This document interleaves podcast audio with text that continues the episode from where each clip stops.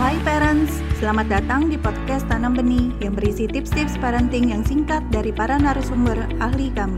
Untuk mendapatkan tips-tips terbaru kami, follow podcast Tanam Benih. Yuk kita dengarkan bersama.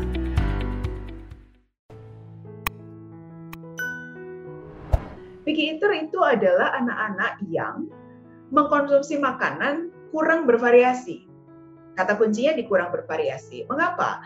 Karena anak-anak tersebut menolak makanan tertentu. Bisa jadi makanannya sudah dikenal tapi dia menolak atau menolak makanan yang belum dikenal. Biasanya yang ditolak ini seperti buah-buahan ataupun sayuran meski ada juga anak yang tidak suka protein ya, ada daging, ikan atau tahu tempe misalnya dia tidak suka. Nah, bisa juga berupa penolakan pada cara makanan tertentu diolah. Jadi ada anak yang hanya mau digoreng saja, tetapi kalau misalnya di steam atau dikukus tidak mau.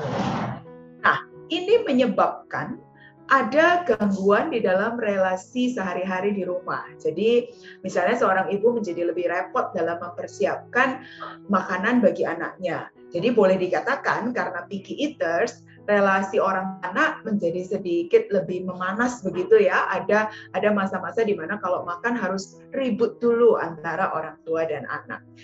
Nah, kira-kira demikian yang disebut dengan picky eater. Terima kasih telah mendengarkan podcast Tanam Benih. Jangan lupa follow podcast Tanam Benih. Tidak pernah ada kata terlambat loh untuk belajar.